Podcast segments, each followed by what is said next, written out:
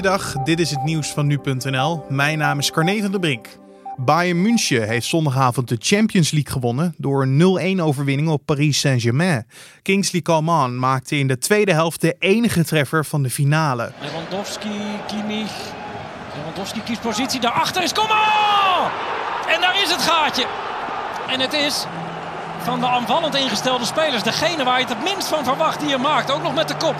Kingsley Coman zet Bayern op 1-0. Het was de eerste Champions League finale van de Parijzenaren, terwijl Bayern voor de elfde keer in de eindstrijd van het belangrijkste Europese bekertoernooi stond. Met zes titels staat der recordmeister, Bayern München dus, samen met Liverpool als derde op de lijst, achter Real Madrid en AC Milan. Ondanks de grote daling in het aantal treinreizigers door corona stijgt het aantal treinritten in 2021 naar meer dan 2,1 miljoen. Spoorbeheerder ProRail gaat de toename in het aantal treinritten vandaag bekendmaken in de capaciteitsverdeling, zo schrijft de NOS.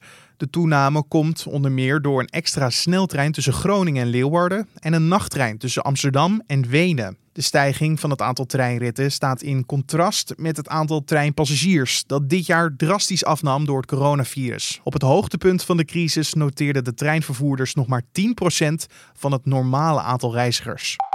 De Verenigde Staten heeft toestemming verleend voor het behandelen van zieke coronapatiënten met bloedplasma.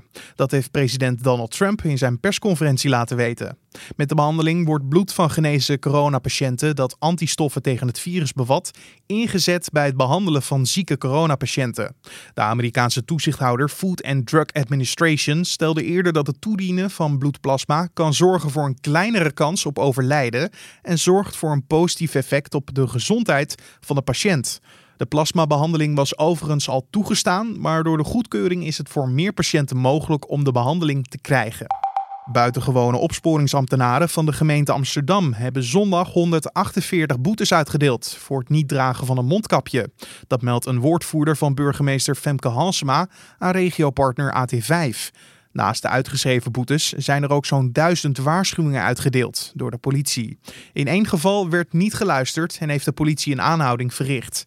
De gemeente Amsterdam en Rotterdam kondigden vrijdag al aan dat vanaf dat weekend sneller boetes werden uitgedeeld voor het niet dragen van een mondkapje in de gebieden waar dat verplicht is. Zo'n boete bedraagt 95 euro. En tot zover de nieuwsupdate van nu.nl.